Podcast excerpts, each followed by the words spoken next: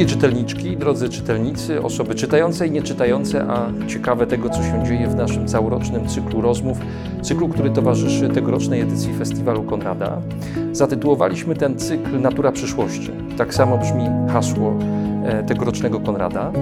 E, celem cyklu, celem tych rozmów jest kontekstualizacja najważniejszych tematów, najważniejszych e, pojęć, o których będziemy rozmawiać w październiku podczas edycji głównej. Do tej pory rozmawiałem z Jonathanem Learem oraz Arundhati Roy. E, te rozmowy są dostępne w internecie, więc e, do tych z Państwa, którzy jeszcze ich nie widzieli, zachęcam do obejrzenia. Dziś moją gościnią jest reżyserka teatralna Katarzyna Kalwat.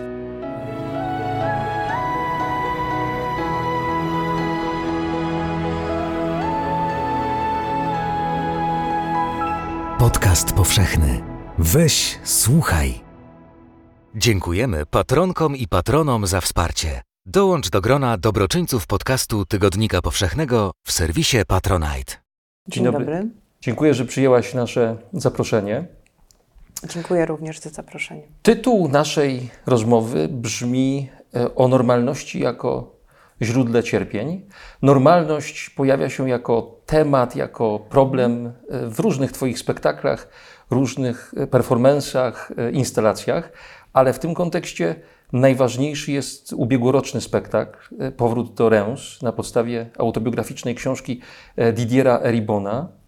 To jest taka opowieść o życiu w określonym miejscu, w pewnej rodzinie, która przynależy do E, klasy ludowej, e, rodzinie przesyconej e, uprzedzeniami, rasizmem, homofobią, z której Eribon, z której świata Eribon ucieka po to, żeby jako osoba homoseksualna odzyskać wolność, żeby wykreować siebie.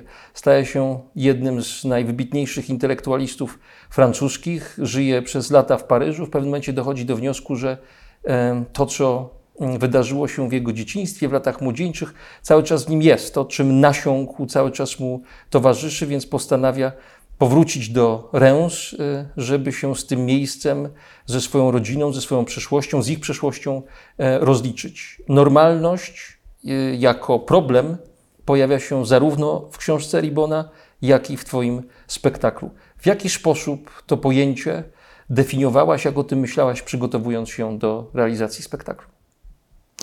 No tak, rzeczywiście mm, to pojęcie normalności pojawia się mm, w, e, w powrocie do Reims e, w książce Ribona. E, I dla nas przede wszystkim takim punktem wyjścia do pracy było myślenie o tej normalności z perspektywy małego prowincjonalnego miasteczka, w którym urodził się autor. Czyli normalność, która jest, która jest przede wszystkim bardzo homogenicznym sposobem myślenia o seksualności, o etniczności i która, mm, jeśli pojawiają się sytuacje, które tą normalność w jakiś sposób rozszczelniają, e, e, ta normalność rozszczelniona staje się przyczyną agresji. To znaczy normalność, która konstytuuje siłę tej społeczności, e, która mm, mm, jest bardzo szczelna, jest systemem totalnym. I e, przede wszystkim ważne e, w naszej pracy było to, że wytyczyliśmy sobie różne normalności, to znaczy tą normalność panującą w małym, prowincjonalnym miasteczku, ale też tą normalność burżuazyjnego Paryża, bo y, trzeba powiedzieć, że cała droga Eribona jest drogą, czy jest można powiedzieć transfuzją z jednej normalności do drugiej, ponieważ y, y, autor próbuje wpasować się w strukturę normalności swojego miasta, y, żeby przykryć prawdę o swojej seksualności, o swoim ciele, ale przechodzi do innej normalności burżuazyjnego, dystynkcyjnego Paryża, w którym musi ukrywać prawdę o swoim e, klasowym, społecznym pochodzeniu. Więc te normalności, jako systemy szczelne, jako systemy totalne, bardzo homogeniczne, są związane w sposób bardzo mocny z różnymi polami społecznymi. Nie ma jednej normalności. Każde pole, pole społeczne ma swoją własną normalność. I na swój własny sposób wyklucza? i na swój własny sposób wyklucza to wszystko, co jest poza linią demarkacyjną tej normalności. W jednej ze scen e, dziennikarka, spektakl polega na tym, że e, Didier Eribon udziela wywiadu. Didier Eribon, grany przez Jacka Poniedziałka, udziela wywiadu dziennikarzom. W jednej ze scen dziennikarka, którą gra mm, na zmianę Jaśmina Polak i Marta Malikowska, próbuje wypowiedzieć słowo normalement, które po francusku znaczy normalnie, e, tak, zwyczajnie. I ona próbuje, próbuje, nie bardzo jej to wychodzi. E, pojawia się głos z ofu, taki mechaniczny, bezosobowy głos, który e, kieruje do niej ponawianą prośbę, to nie jest prośba, to jest polecenie. Rozwiń, rozwiń, rozwiń. Ja interpretuję ten głos mechaniczny jako taki bezosobowy głos systemu który kieruje pod adresem jednostki zobowiązanie do tego, żeby ona się wpasowała w ten system, Oczywiście. żeby się wpisała w normalność, żeby wreszcie nauczyła się e, normalności, nauczyła się wypowiadać pewne słowa, co za tym idzie, żeby się przystosowała, dostosowała. E, jakie w dzisiejszym świecie systemy tworzą taką e, normalizującą opresję dla, dla jednostek i grup? Nie pytam tylko o Polskę, ale o w ogóle e, tak, sytuację no, społeczno-polityczną świata dziś. No tak, to jest, to jest bardzo dobry przykład, dlatego że e, on pokazuje, że właśnie ten bezosobowy głos, głos, który jest wypowiadany przez translator mowy, bardzo często pracuje w swoich spektaklach, projektach e, z różnymi przemysłowymi formami dźwięku, które właśnie w bardzo zmechanizowany, systemowy sposób dają uwagi aktorom. Rzeczywiście ta uwaga dotycząca słówka normalmu jest taką uwagą i, i, prośba o to, żeby to słowo rozwijać w nieskończoność, jest żądaniem pewnej dystynkcji, po którą należy sięgnąć, żeby publiczność właśnie ekskluzywnego teatru czuła się spełniona, czyli jakby cała sytuacja e, gry między aktorami a translatorem mowy, który w pewnym sensie wytwarza napięcie, ponieważ wrzuca kolejne uwagi, które mają za zadanie sprawić, że czujemy się wpasowani w tą strukturę tego pola społecznego, którym jest widownia teatru, wymusza na aktorach właśnie nadprodukcję tej dystynkcji językowej. To było główne założenie, to było nasze główne zadanie. Tak? I cały spektakl opiera się na napięciu między aktorami, między aktorami, którzy grają albo, no właśnie grają dziennikarze, ale też no mamy Didier Eribona, e, a publicznością i spełnianiu nawzajem różnych swoich dystynkcji.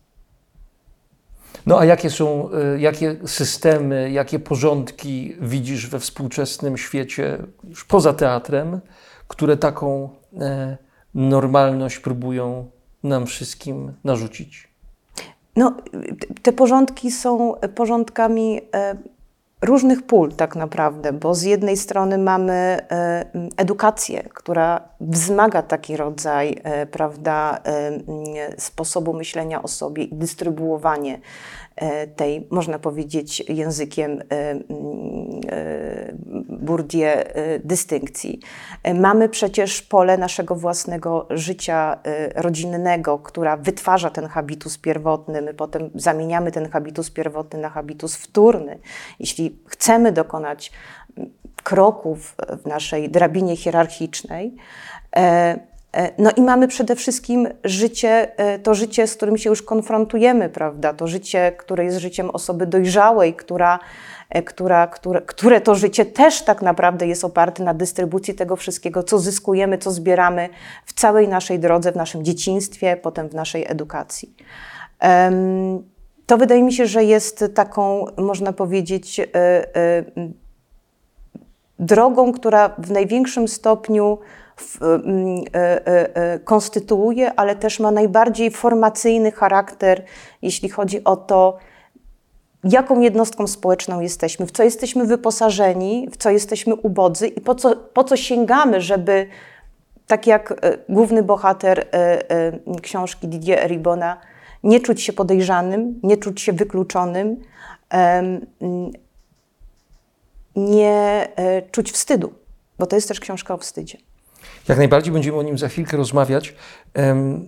W książce słowo normalność, słowa normalność i nienormalność pojawiają się po raz pierwszy w nieco innym kontekście. Oczywiście normalność, o której tutaj rozmawiamy, jest narzędziem wykluczenia, ale y, Eribon opowiada o zdarzeniu ze swojej przeszłości, ze swojego dzieciństwa, w którym to on, późniejsza Tak. ofiara wykluczenia, sam wykluczał, bał się brata swojego ojca, osoby z niepełnosprawnością, osoby, która przez całe życie mieszkała z babcią e, Eribona e, i nazywał ją, określał ją mianem e, nienormalnej, wymyślając dla siebie samego wówczas jakąś kategorię normalności, jakoś ją definiując, oczywiście pożyczając tę definicję od innych. To jest paradoksalna sytuacja. Późniejszy wykluczony ma na swoim koncie wykluczenie. Ci, którzy wykluczają, czyli rodzina, no bo oni potem się kierują, kierują nienawiść w stronę swojego e, wnuka, syna za to, że jest osobą homoseksualną, ale wcześniej e, ci późniejsi wykluczający biorą pod swoje skrzydła osobę z niepełnosprawnością. To jest paradoksalna sytuacja. Czy ten paradoks Cię interesował jak o nim mówić, żeby nie zneutralizować tego, co opresyjne, a zarazem uchwycić pewną ambiwalencję, jaka jest w tę sytuację wpisana. Ja tutaj widzę trzy tematy, to znaczy trzy tematy czy, trzy y, y, prawidłowości. Y, Pierwszy dotyczył języka, czyli tego, w jaki sposób o tym opowiadać ze sceny. I rzeczywiście mamy tutaj u e, Eribona z jednej strony język e, dyskursu akademickiego, który jest w pewnym sensie spleciony z taką no, opowieścią osobistą, bardzo intymną, dotykającą jego doświadczeń. E, I to, co mnie interesowało, to w pewnym sensie połączenie tych dwóch języków, żeby pokazać, w jaki sposób one pracują ze sobą, w jaki sposób ten język akademicki, dyskursywny przykrywa prawdę o wykluczeniu, po to, żeby też zdystansować się od źródła bólu, ale też znaleźć miejsca czy punkty w pracy z, z aktorem. I Jacek Poniedziałek znakomicie pracował z, tym, z, tym, z, z tą sytuacją. Znaleźć punkty, kiedy ten język akademicki, dyskursywny się rozszczelnia i wychodzi to wszystko, co jest związane z tym naszym habitusem pierwotnym, z naszym miejscem urodzenia, z naszym, z naszym em, domem rodzinnym, e, z naszą społecznością.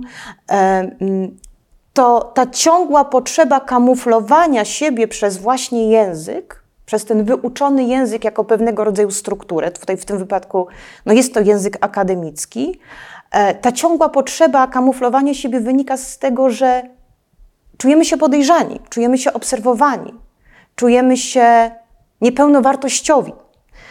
E, Dlatego w naszej pracy ważne były takie momenty mikroprzesunięć, kiedy ten język wypowiedzi profesora filozofii nie jest wystarczający, żeby opowiedzieć o wykluczeniu, ponieważ jest sam w sobie językiem ekskluzywnym, czyli jest taką formą wypowiadania myśli, która opowiadając o wykluczeniu, w gruncie rzeczy kamufluje je, po pierwsze, po drugie, nie daje dostępu osobom prawdziwie wykluczonym do tego, żeby z tym wykluczeniem się skonfrontować.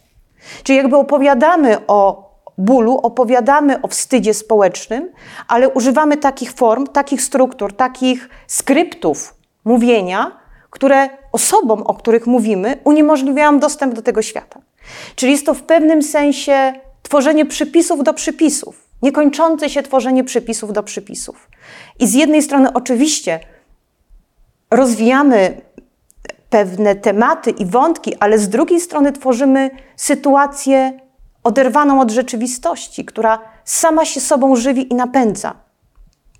Myślę, że to było dla mnie bardzo ważne w tej pracy, żeby pokazać właśnie w obszarze pracy języka, wypowiedzi aktora, to jak pracuje ten mechanizm, ponieważ głównie w swojej pracy zajmuję się językiem i to jest jakieś takie źródło mojej, e, mojej e, mm, analizy.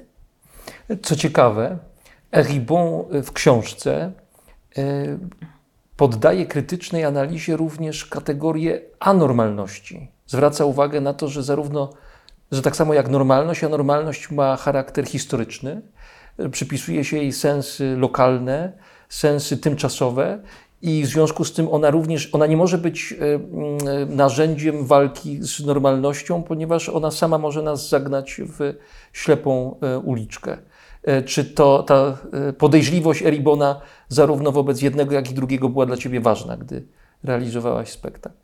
Oczywiście, że tak. Oczywiście, że była dla mnie ważna, ale ja bym tutaj jeszcze zwróciła uwagę na jeszcze jeden ważny aspekt, który zgubiłam, e, a mianowicie to, że my będąc wykluczonymi, często nie jesteśmy w stanie wyjść poza obręb własnego wykluczenia i zrozumieć sytuację, w której jesteśmy. To znaczy, że te linie demarkacyjne przemocy są na tyle rozpuszczone, że ludzie, którzy są wewnątrz tego systemu, często znoszą bardzo trudne, przemocowe, pełne opresji sytuacji, ponieważ wydaje im się, że na tym polega ich życie, że tego nie można zmienić. I wydaje mi się, że to jest też ważna sytuacja, o której pisze, o której, o której, z którą się konfrontuje Didier Eribon, opisując z perspektywy już e, dojrzałego człowieka, profesora filozofii, życie swoich rodziców, które być może nie było nie było życiem, które można było zmienić. To znaczy, on to dopiero teraz z perspektywy pewnego dystansu, pewnej podróży, którą wykonuje, w głąb swojego dzieciństwa zaczyna rozumieć.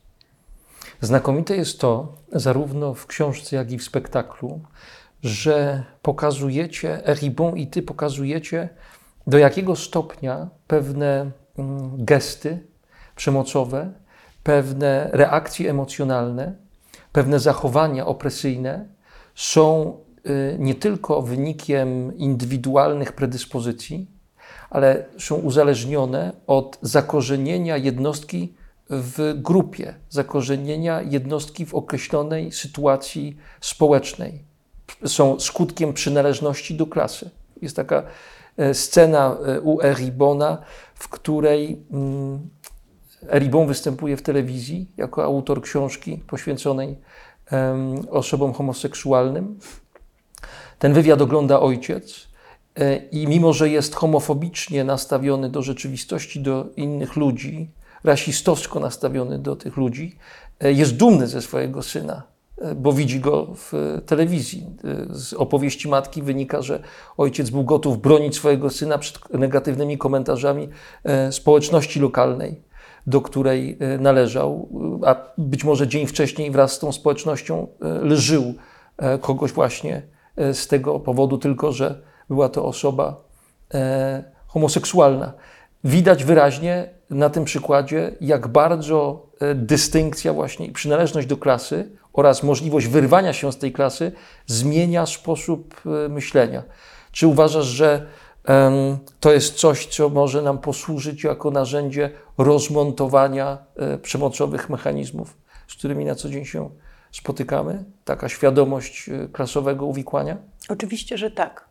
To znaczy, ja myślę, że i tak y, myślę o mojej pracy, bo ja pracując w takich miejscach jak Nowy Teatr w Warszawie, TR Warszawa, ja nie mam dostępu do szerokiej grupy społecznej.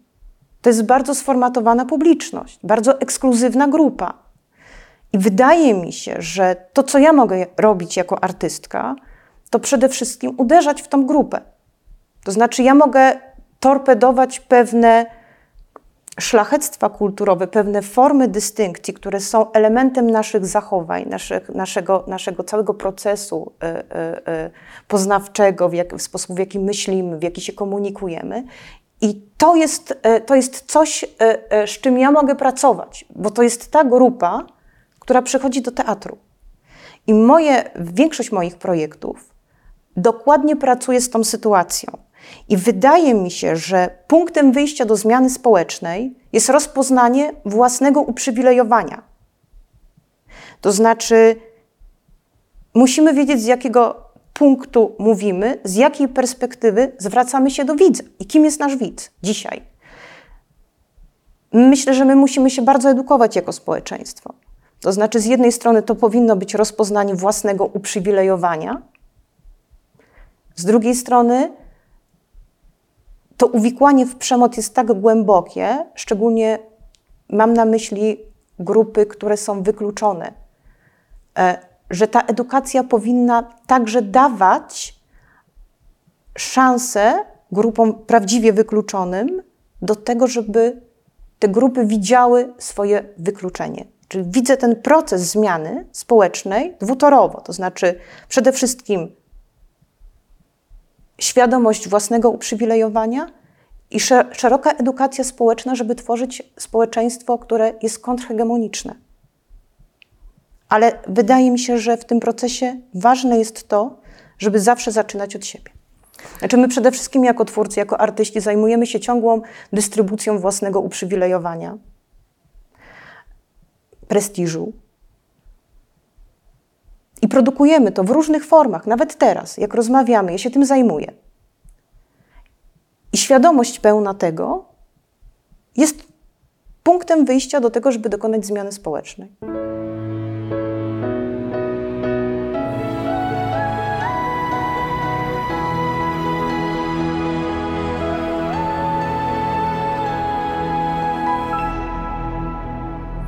Będę Cię jeszcze o to pytał później, e, o to, co sztuka, co teatr może społeczeństwu dać w walce z normalnością jako źródłem cierpień.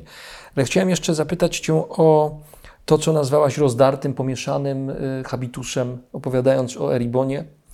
E, Eribon z jednej strony jest z ludu, z drugiej strony jest z wielkiego miasta, z jednej strony ma w sobie tego e, e, mieszkańca Reims, z drugiej strony ma w sobie mieszkańca Paryża. Taka sytuacja wywołuje ciągłe napięcie, e, całą gamę emocji, destrukcyjnych emocji. Powiedziałaś o wstydzie, ale przecież do Jest tego... jakimś do... takim poczuciu, y, y, poczuciu y, chyba bycia nie do końca szczerym i uczciwym. To znaczy, on ma to poczucie bycia podejrzanym. No i to, i to wywołuje, jak powiedziałem, całą gamę emocji. Nie tylko wstydu, ale też depresji, y, lęku. Tego jest bardzo dużo. Czy wydaje ci się, że y, w takim obrazie społeczeństwo polskie, przedstawicielki i przedstawiciele tego społeczeństwa mogą się rozpoznać? Czy Myślę, to jest pro, nasz problem? Myślę, że jest to bardzo nasz problem. I myślę, że my również mamy popękane habitusy, um, składające się często z nawzajem wykluczających się elementów, doświadczeń społecznych, e, z domów, o których chcemy zapomnieć, e, e, po to, żeby stworzyć sobie przestrzeń E, do życia w zgodzie ze sobą. Być może nie zawsze te miejsca, z których pochodzimy, te domy, z których jesteśmy, e, być może nie zawsze one pozwalają nam na realizację siebie. I być może mm, ta próba ciągła przebudowywania tego habitusu jest paradoksalnie przy całym cierpieniu, całym oporze, próbą odzyskiwania siebie na swoich własnych warunkach. I ten opór materii i ten trud zmagania się z własnym domem, z własnym miejscem urodzenia, e, jest źródłem cierpienia po prostu. Wydaje mi się, że czymś, co mogłoby otworzyć przestrzeń do, do bycia w zgodzie ze sobą, jest świadomość właśnie tego, o czym powiedziałeś, że my jesteśmy społecznie bardzo skwirowanym społeczeństwem.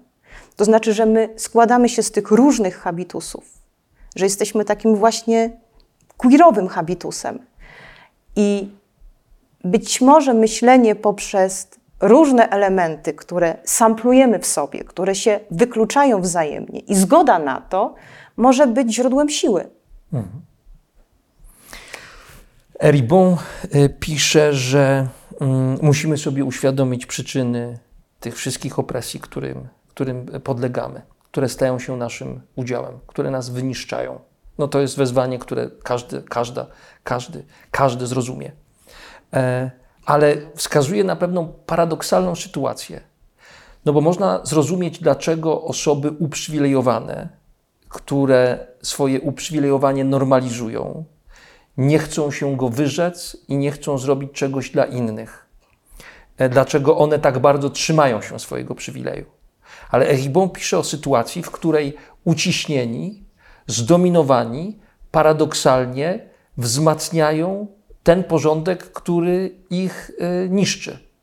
E, uciśnieni, zdominowani robią wszystko, żeby ten porządek utrzymać. Jak wyjaśnić takie zjawisko, taką sprzeczność, e, działanie, które idzie na przekór interesom tych, którzy powinni szukać wyzwolenia? No tak, no ta drabina społeczna, ona nie pozwala nam robić często kroku do tyłu, ponieważ krok do tyłu jest krokiem do miejsca opresji systemowej, społecznej.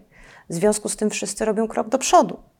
I ten krok do przodu, on z jednej strony dystansuje nas od tego źródła opresji, ale z drugiej strony konstytuuje bardzo przemocowy porządek. I Myślę, że wiele elementów, które wiele, wiele, wiele mm, tematów zawartych w powrocie do Reims, y, o których y, opowiada Didier Ribon, chociażby swój stosunek do rodziny, jest właśnie wynikiem czy ucieczki z miejsca, które mm, nie pozwalało mu być w jakiejś y, zgodzie ze sobą. To, co on robi w swojej książce, to, co ty robisz w swoim spektaklu, polega na powrocie do pewnego tematu y, nieobecnego przez jakiś czas w dyskusjach publicznych, w naszych rozmowach prywatnych, w naszej świadomości. Do tematu klasy ludowej, w ogóle do ludu jako, y, jako części całego organizmu społecznego. Obserwujemy w ostatnich latach powrót tego tematu. Mamy bardzo dużo książek, które opowiadają historię ludową albo historię danego społeczeństwa Polski z perspektywy e, określonej klasy. Mamy książkę Adama Leszczyńskiego, Michała Rausz, książki Adama Leszczyńskiego, Michała Rauszera, e, Piotra Korczyńskiego, Kacpra Bobłockiego, Kamila Janickiego. One się ukazują jedna po drugiej w ostatnich dwóch, trzech latach. Skąd ten powrót, to wynika z naszej e, rozmowy, ale jaki jest zysk tego, że ten temat powraca i zaczynamy o nim e, mówić? Co dzięki temu zyskujemy? Myślę, że to jest pełna świadomość e, mechanizmów e, społecznych, które rządzą naszym życiem i które generują pełną podległość i tworzą hierarchię, w stosunku do których musimy czuć się właśnie podlegli. To jest zresztą bardzo ciekawe, bo, bo wymieniasz wszystkie nazwiska męskie, a jak wiemy, e, źródłem zainteresowania e, kwestiami związanymi z, z polskim systemem feudalnym, źródło jest w twórczości e, kobiet. I to kobiety jako pierwsze zajęły się tym tematem. To jest też ciekawe w kontekście Ribona, bo wiemy, że Ribon nie był pierwszą osobą, która zajmowała się w literaturze francuskiej czy w filozofii kwestiami wykluczeniowymi, tylko jest tam e, cała bardzo długa tradycja, między innymi Annie Ernaux, która napisała znakomite e, teksty na ten temat, napisała miejsce, e, na które zresztą powołuje się autor Powrotu do Reims. I to jest znaczące, bo myślę, że dopiero w momencie, w którym męski głos odzywa się i konstytuuje pewną sytuację, nadaje jej wartość i znaczenie, e, możemy wykonać jakiś taki rodzaj ruchu do tyłu i przyjrzeć się temu wszystkiemu, co zostało w perspektywie przeszłościowej wytworzone, czyli tym wszystkim właśnie dziełom literackim, różnym artefaktom sztuki. No tak, myślę, że myślę, że to jest znakomite, że, że ten temat powrócił i myślę, że zawdzięczamy tą sytuację również temu, że e, mężczyźni są coraz bardziej sfeminizowani. To, że kobiety się zajmowały kwestiami wykluczeniowymi, wynikało z tego, że one miały bardzo silną, e, autoreferencyjną, e, bardzo silne autoreferencyjne źródło w sobie właśnie do tego. Um, ale czy nie jest tak, bo miałem Cię o to pytać, e, czy nie jest tak, no bo wcześniej były na przykład takie książki y, bardziej teoretycznie ujmujące kwestie e, klasy ludowej, jak, jak książka Ewy Majewskiej, czy bardziej historyczna praca e, Małgorzaty e, Fidelis. Potem pojawiła się seria tych książek pisanych przez autorów, przez mężczyzn. Czy nie jest tak, że ten temat trochę został przechwycony przez spojrzenie męskie. Aż czy to nie jest. Tak jest. Oczywiście, znaczy nie tak trochę, jest. został przechwycony przez spojrzenie męskie. I czy to też nie jest problem E, polegający na tym, że teraz owszem rozmawiamy o klasie ludowej, ale znów teraz rozmawiamy o klasie ludowej z perspektywy autora, narratora, e, historyka, e, mężczyzny. Znaczy, w tym wszystkim, o czym mówisz, mówisz jest, jest dużo bardzo prawdy, natomiast widzę, chcę w tym widzieć też pewną wartość, mhm. a mianowicie wydaje mi się, że sytuacja, w której mężczyźni zaczynają się konfrontować ze swoją historią i ze swoim uwikłanym w system feudalny Polski, e, świadczy też o tym, że oni dopuszczają w końcu wrażliwość i słabość do siebie. Jako źródło e, w gruncie rzeczy jakiejś prawdy osobistej. I wydaje mi się, że to jest krok do przodu społecznie. W Twoim mm, performensie, instalacji y, teatralnej E, Maria Klassenberg, Ekstazy, mm, pojawia się, to jest opowieść o relacji, między innymi opowieść o relacji matki i córki. To jest opowieść o takiej relacji, która dla córki jest ograniczająca. Czy kwestie klasowe w tym spektaklu Cię interesowały? No bo samo nazwisko Klassenberg może nam się kojarzyć z różnymi rzeczami, ale może również nam się kojarzyć z. Mm, z, z klasą. No tak, to jest oczywiście mm, nazwisko, które jest, e, jest e, sposobem pogrywania z pewną e, właśnie sytuacją artystki wykluczonej w latach 70.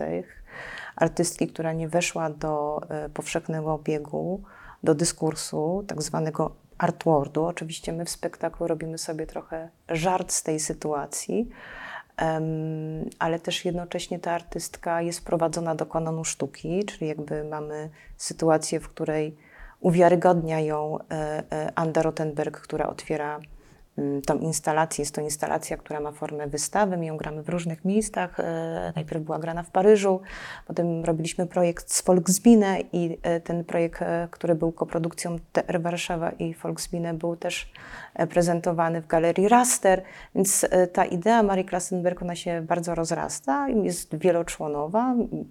Można powiedzieć, że samą ekspozycję otwiera właśnie Anda Rottenberg i ona wprowadza do kanonu sztuki Marię Klassenberg. Następnie mamy prezentację dzieł Marii Klassenberg, dzieł, które nigdy nie były e, zaprezentowane. Te prace stworzyła Aneta Grzeszykowska i Jan Smaga, artyści związani z Galerią Raster. Są to prace, które nawiązują do awangardy lat 70. i w takim nurcie one zostały stworzone, jakby spreparowane. E, cała historia i można powiedzieć cały projekt Marii Klassenberg jest takim projektem, w którym o twórczości matki opowiada córka. Natalia Kalita opowiada e, o twórczości matki. W matkę wciela się Ula Kiebzak. I to jest bardzo ciekawa też sytuacja, bo mamy do czynienia w gruncie rzeczy z bardzo patriarchalnym mechanizmem wprowadzania kobiety do obiegu sztuki, czyli do pewnej hierarchii, czyli jakby zakładamy, że ta hierarchia jest. I ja bardzo świadomie w tym projekcie z tą sytuacją też gram. Ale oczywiście kwestia klasowości, sztuka nie jest od tego wolna. Sztuka jest bardzo mocno uwikłana w klasowość, ponieważ przede wszystkim zajmuje się mm, tworzeniem różnych podziałów, e, różnych e, e, właśnie mm, drabin, którymi wchodzi się na górę, schodzi się na dół.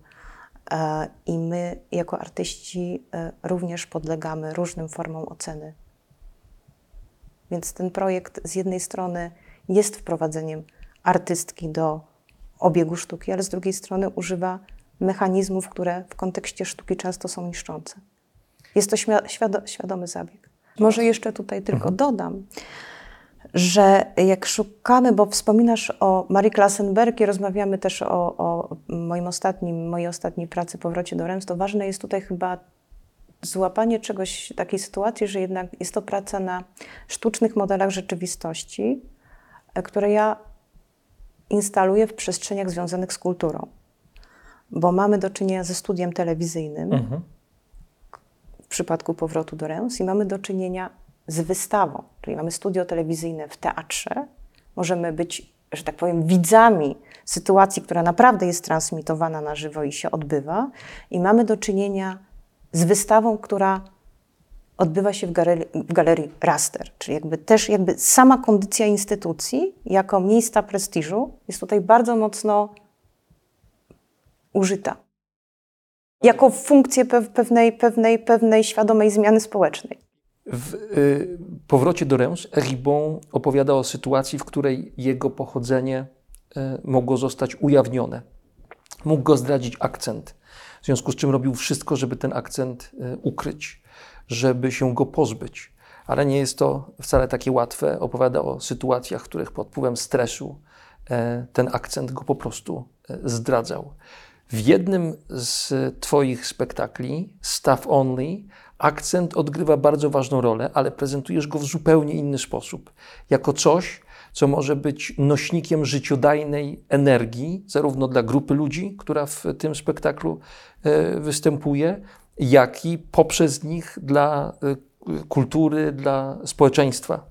Tyle, że to jest akcent e, obcokrajowca, to jest akcent kogoś, kto mówi w języku, e, nie swoim języku, e, z silnym akcentem. Czy nie jest tak, że akcent obcokrajowca jesteśmy w stanie zaakceptować, ale akcent kogoś, kto pochodzi z klasy ludowej, wciąż jest e, problematyczny w tym sensie, że e, może być e, podstawą mm, wykluczenia, e, a dla tej osoby e, wstydu. Czy nie jest tak po prostu, że e, obcokrajowca, akcent obcokrajowca, tak pokazany, jak ty go pokazujesz w Staff Only, mm, jest po prostu dla nas e, do przyjęcia. E, Ale to nie znaczy, że przepracowaliśmy problem takich znaków, które zdradzają pochodzenie, są nośnikiem przynależności. To bardzo ciekawe pytanie. Myślę, że jest w tym wiele racji. Natomiast ważne jest chyba to, że projekt Staff Only, który zrobiłam, stworzyłam z artystami pochodzenia cudzoziemskiego, jest pokazywany, prezentowany na e, scenie TR Warszawa. Czymś innym jest akcent cudzoziemca, który, e, którego spotykamy na ulicy, nie wiem, a czymś innym jest ta sama sytuacja, która jest prezentowana e, z przestrzeni legendarnego teatru, który nawet jeśli e, jest bardzo, e, ma performatywną jakość, jednak e, jak większość polskich teatrów szczyci się tym, że mówimy z dykcją, z pełną jakby świadomością słów, elokwencją, z przytupem, z pełną polską kolorator, kolu, koloraturą językową. Chodziło mi o to, żeby wprowadzić taki element, który e, e, no właśnie rozszczelnia tą sytuację mm, i też, żeby pokazać, że no właśnie, że akcent może być źródłem oporu politycznego i myślę o tej sytuacji zarówno w obszarze właśnie artystów pochodzenia cudzoziemskiego, ale także e, nawiązując do tego, o co mnie pytałeś, czy to może być w, tak w przypadku osób, które posiadają ten akcent e, e, klasowy czy społeczny. Myślę, że to jest też e, coś, co czeka na, na jakąś refleksję głębszą i, i nie wydaje mi się, że wydaje mi się, że jedna i druga sytuacja jest trudna w zależności od perspektywy osób, które w tej grupie się znalazły. Akurat tutaj może tylko jeszcze powiem, że żadna z tych osób, które pracują w, w, tym, projekt, w tym projekcie, każda z tych osób, które, które, które są w tym projekcie, miała ogromny problem z dostaniem się do e, instytucji sztuki w Polsce. Często te instytucje... Z tego powodu. Właśnie często z powodu właśnie akcentu, z powodu y, różnych właśnie kontekstów kulturowych, w które była uwikłana. Mm, I często jest tak, że instytucje w Polsce mówią o, swojej, o swoim wyemancypowaniu, otwartości na nowe idee, ale prawda jest taka, że pierwszą, pierwszym teatrem, który, który zaczął pracować z osobami mm, pochodzenia cudzoziemskiego i chyba jedynym do tej pory, jest Teatr Powszechny w Warszawie. A drugim takim miejscem jest Biennale Warszawa. a twórców, e, aktorów, aktorek pochodzenia cudzoziemskiego jest bardzo dużo w tym momencie w Polsce. Jak robiliśmy nabór do tego projektu, e, zgłosiło się mm, 70 osób.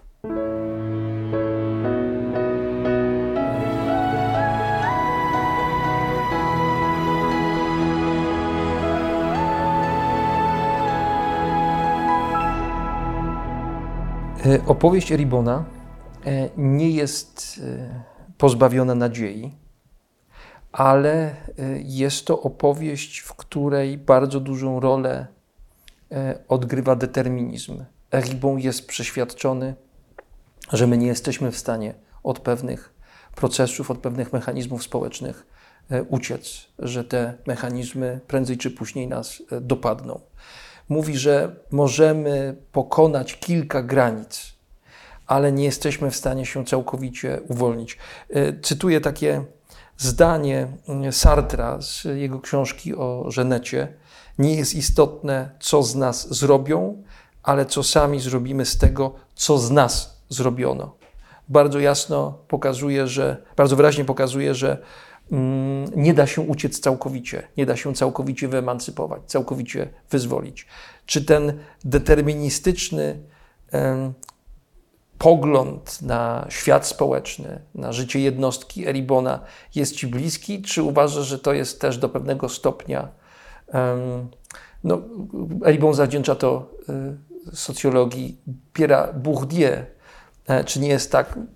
Bourdieu, socjologia, jego koncepcja socjologiczna Tak. była wielokrotnie krytykowana również. Czy nie jest tak, że, że Eribon, e, opowiadając o rozmaitych uwikłaniach, odsłaniając je przed nami, mm, tymi swoimi y, pesymistycznymi, bardzo często uwagami dotyczącymi właśnie zdeterminowanej sytuacji jednostki, trochę ogranicza naszą swobodę, że być może byśmy szybciej się od pewnych mechanizmów uwolnili, gdybyśmy zrezygnowali z takiego punktu widzenia. Ja się gdzieś z tym zgadzam. Znaczy, myślę, że można pokochać swoje uwikłanie. Znaczy, można się rozkochać w swoim uwikłaniu, w swoim pękniętym habitusie i zrobić z tego y, po prostu ym, narzędzie do zmagania się z rzeczywistością. I wydaje mi się, że ten pesymizm jest bardzo mocno obecny w książce Didier Ribona. To znaczy, że jakby bardzo trudno jest wyjść po to, za, poza, poza ten okrąg, y, y, y, który, który jest no, mm, ciągłym y, y, y, pływaniem od dzieciństwa do teraźniejszości, ukrywaniem dzieciństwa w teraźniejszości y,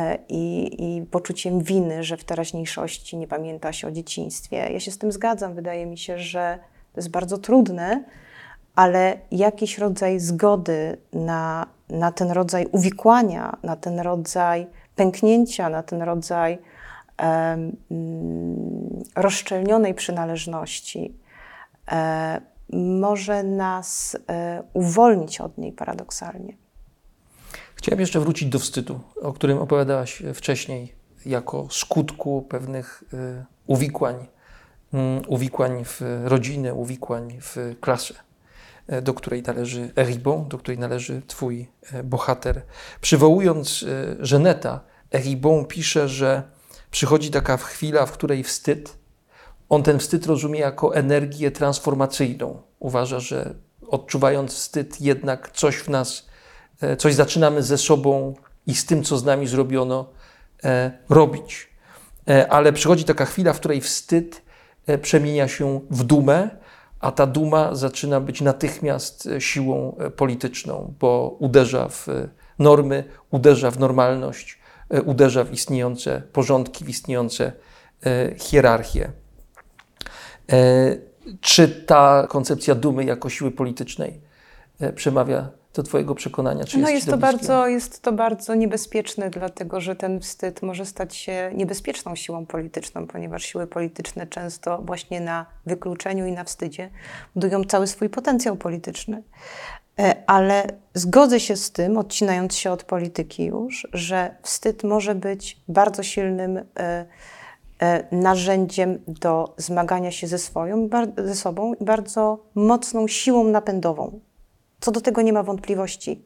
Sty, wstyd też pokonanie wstydu, czyli przekroczenie jakiejś takiej linii demarkacyjnej, to znaczy wyjście poza jakiś taki właśnie obszar tego wstydu, pokonanie tego wstydu uwalnia nas od, y, od hmm, chyba takiego społecznego wglądu w nasze życie. To znaczy, pokonanie wstydu czyni nas wolnymi, więc myślę, że wstyd sam w sobie i praca ze wstydem w gruncie rzeczy może przynieść coś bardzo pozytywnego. Jednym z, jedną z Twoich fascynacji jest twórczość Roberta Walzera. Zresztą y, tak się poznaliśmy. Pierwsza nasza rozmowa, w ogóle tak. to była rozmowa na temat twórczości Roberta Walzera. Zrobiłaś y, spektakl, instalację, y, którego, której Walzer jest centralnym punktem. Jego historia jest w gruncie rzeczy podobna do historii Echibona. Walzer urodził się w wielodzietnej rodzinie E, na prowincji szwajcarskiej. E, z tej prowincji przeniósł się w pewnym momencie do Berlina, który podówczas był centrum kulturalnym Europy, jednym z centrów kulturalnych Europy. E, tam próbował swoich sił w środowisku literacko-artystycznym. Przez chwilę wydawało się, że wszystko układa się dobrze. W pewnym momencie natomiast szwajcarska prowincja odezwała się w nim. Zaczął odczuwać coraz silniej brak przynależności do tego e, środowiska. To środowisko ze swoimi normalnościami, ze swoimi normami zaczęło go e, uwierać. E, I kiedy sobie uświadomił, że nie wpisze się całkowicie w, to, w ten świat, w świat berliński, to zaczął opracowywać taką koncepcję działania polegającego na tym, żeby to, co wysokie, ściągnąć w jak najniższe rejony. Zapisem takiego, takiej koncepcji jest wydana między innymi w Polsce powieść y, Żbój.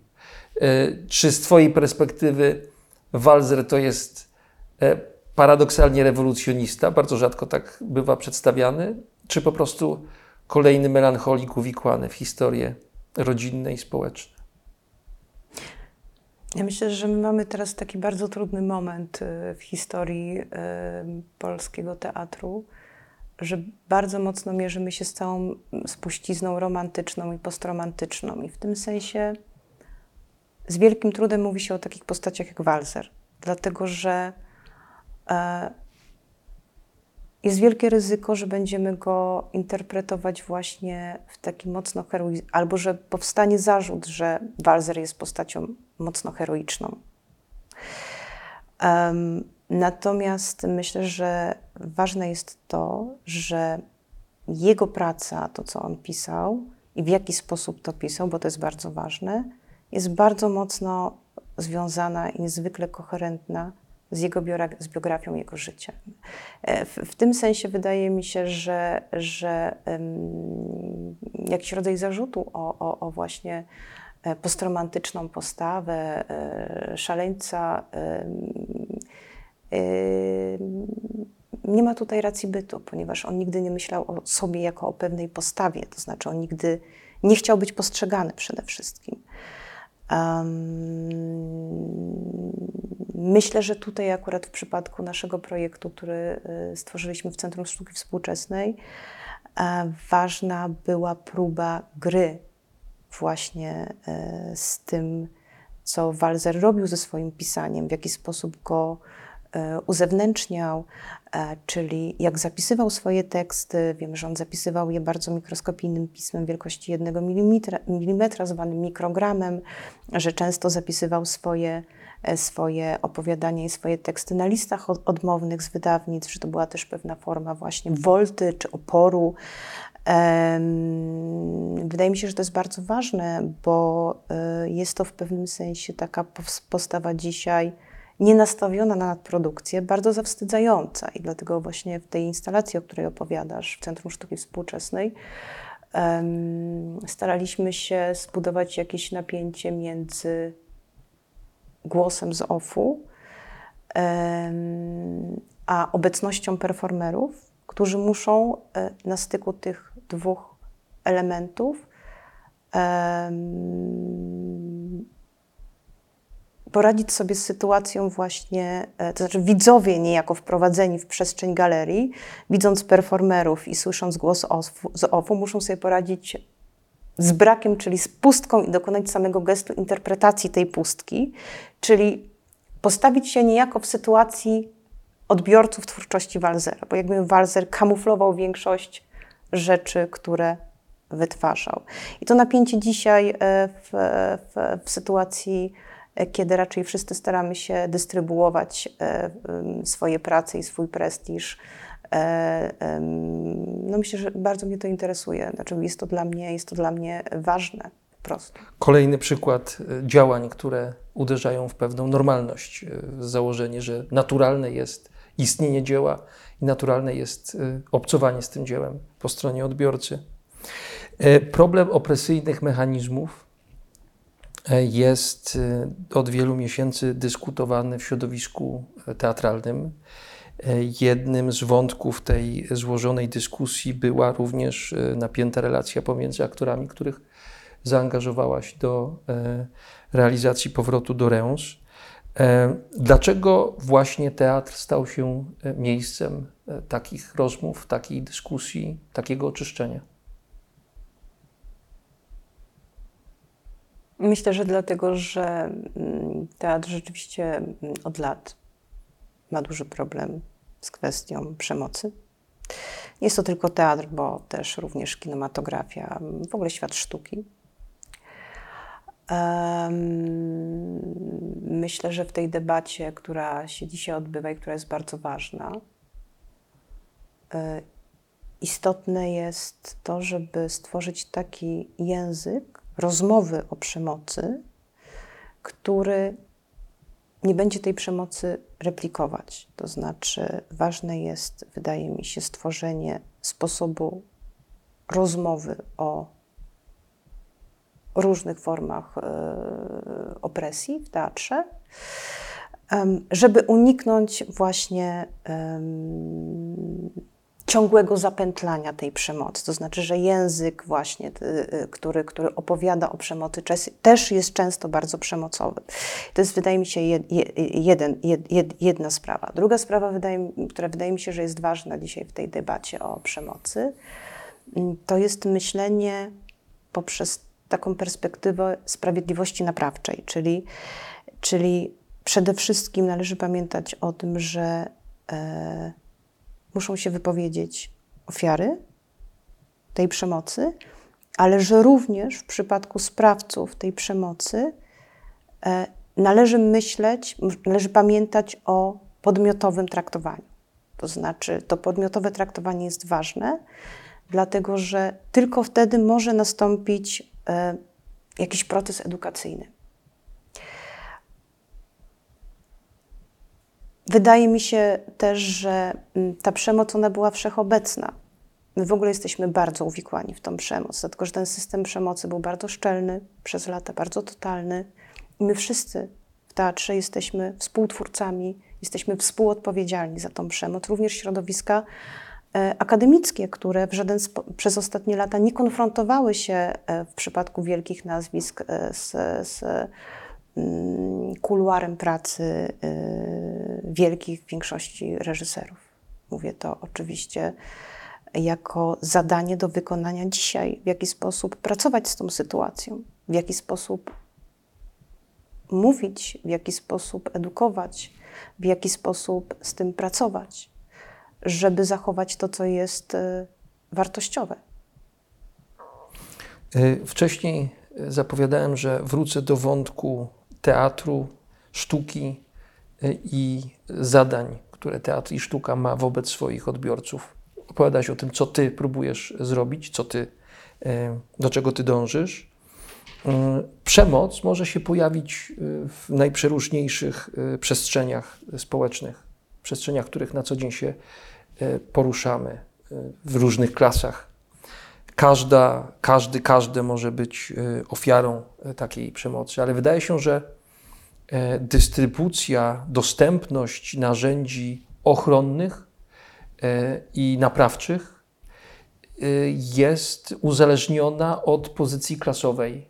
Nie wydaje się, tak po prostu z mojej perspektywy jest, no bo osoba publiczna ma rozmaite narzędzia, za pomocą których może się upomnieć o siebie bądź o innych, może zwrócić uwagę na problem, i może zobowiązać swoje środowisko czy swoją instytucję do działań, do zmiany, e, do powstrzymania przemocy i do działań naprawczych. Natomiast bardzo często osoby, które przynależą do klasy ludowej, nie mają takich e, narzędzi. Co sztuka, e, co teatr może im zaoferować? Co może teatr zrobić dla tych, którzy nie mają głosu i nie mogą e, upomnieć się o siebie czy o swoich bliskich.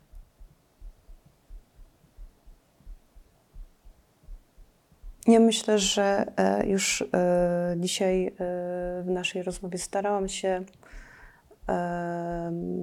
to o tym powiedzieć, ale wydaje mi się, że przede wszystkim zdać sobie sprawę z własnego uprzywilejowania. To znaczy, my musimy wszyscy zacząć od siebie tą drogę i ta praca, która mogłaby się odbywać, e, która mogłaby być prezentowana w postaci spektakli, ona przede wszystkim powinna pracować na linii aktor-publiczność. Ta publiczność jest zazwyczaj bardzo, tak jak powiedziałam, bardzo konkretna, sformatyzowana, no, ma pewien format społeczny, nie jest to po prostu publiczność e, zróżnicowana. I wydaje mi się, że to, co jest ważne, to świadoma praca z tą publicznością, e, ale praca polegająca również na tym, żeby zdać sobie sprawę z tego uprzywilejowania. Wydaje mi się, że to jest dzisiaj bardzo ważne, czyli po prostu szeroka, szeroka jakby taka edukacja w obrębie społeczeństwa, w obrębie też pola własnego społecznego, ale też e, różne formy pracy w mniejszych e, grupach, w mniejszych społecznościach. Ja mam bardzo wielu przyjaciół artystów, e, którzy pracują na całym świecie, którzy właśnie pracują w takich mikrospołecznościach. Ta praca w tych mikrospołecznościach i teatr może być wtedy formą wypowiedzenia czy upominania się o siebie. To znaczy, że ta scena teatralna może być taką szansą na odzyskanie siebie. I właśnie praca w takich zróżnicowanych grupach, e, e, często marginalizowanych, i scena sama w sobie daje taką możliwość. To znaczy, daje taką możliwość przepracowania pewnych rzeczy, pewnych tematów, ale też właśnie e, odzyskania siebie w bardzo podmiotowy sposób. I wydaje mi się, że to jest dzisiaj wartość. To, to my, artyści, możemy dzisiaj e, mm, zrobić dla społeczeństwa, ale wydaje mi się, że jest tutaj jeszcze jedna bardzo ważna rzecz. Chciałabym te dwa tematy połączyć ze sobą. Wydaje mi się, że problemem jest to, że nawet jeśli powstają spektakle, które są społecznie zaangażowane i polegają na tym, że artyści współpracują e, z, z osobami z mniejszych społeczności, czy pracują z grupami wykluczonymi, to nigdy prawie te spektakle nie trafiają do dużych instytucjonalnych środków. To jest duży problem. To znaczy, my możemy pracować e, w, w, na prowincji w taki sposób, możemy pracować w, w, jakichś mniejszych właśnie instytucjach, asocjacjach, ale te projekty prawie nigdy nie są prezentowane na dużych instytucjonalnych scenach, na dużych festiwalach. To też wydaje mi się, że jest jakąś taką przestrzenią, e, nad którą należy się dzisiaj pochylić. Znaczy, że pracujemy jakby jakby, żeby, żeby rzeczywiście um, oddać komuś głos, stworzyć do tego przestrzeń, ale jednocześnie jest to zamknięte w bardzo małym ośrodku, bardzo odseparowanym od e, dużych miast, dużych, dużych, dużych instytucjonalnych scen. Więc ten głos per saldo ostatecznie okazuje się wciąż reglamentowany. Dokładnie. Katarzyno, bardzo Ci dziękuję za, za rozmowę. E, za te wszystkie e, bardzo inspirujące e, refleksje i za Twoje spektakle. Wiem, że teraz pracujesz bardzo intensywnie nad kolejnym. Tym bardziej dziękuję Ci, że znalazłaś czas, żeby, żeby ze mną porozmawiać. Państwa natomiast zapraszam za miesiąc, w ostatni czwartek sierpnia. Będę rozmawiał z Markiem Gewiserem, to jest dziennikarz z południowej Afryki, autor książki The Pink Line, która jest historią osób LGBT z różnych państw. Gewiser podróżował do tych państw, rozmawiał z ludźmi i opisał rozmaite problemy, z jakimi muszą się na co dzień mierzyć. Będę z nim rozmawiał e, o prawach człowieka. Zapraszam, pamiętajcie, ostatni czwartek e, sierpnia. Bądźcie z nami, bądźcie z Festiwalem Konrada. Dziękuję bardzo.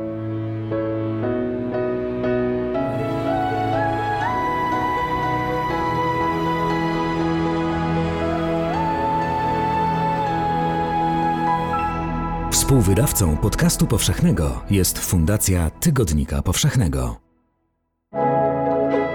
Jeśli słuchają nas Państwo w Spotify albo w Apple Podcast, zasubskrybujcie nasz kanał. Jesteśmy też w Google Podcast i w aplikacji Lekton oraz na www.tygodnikpowszechny.pl/podcast.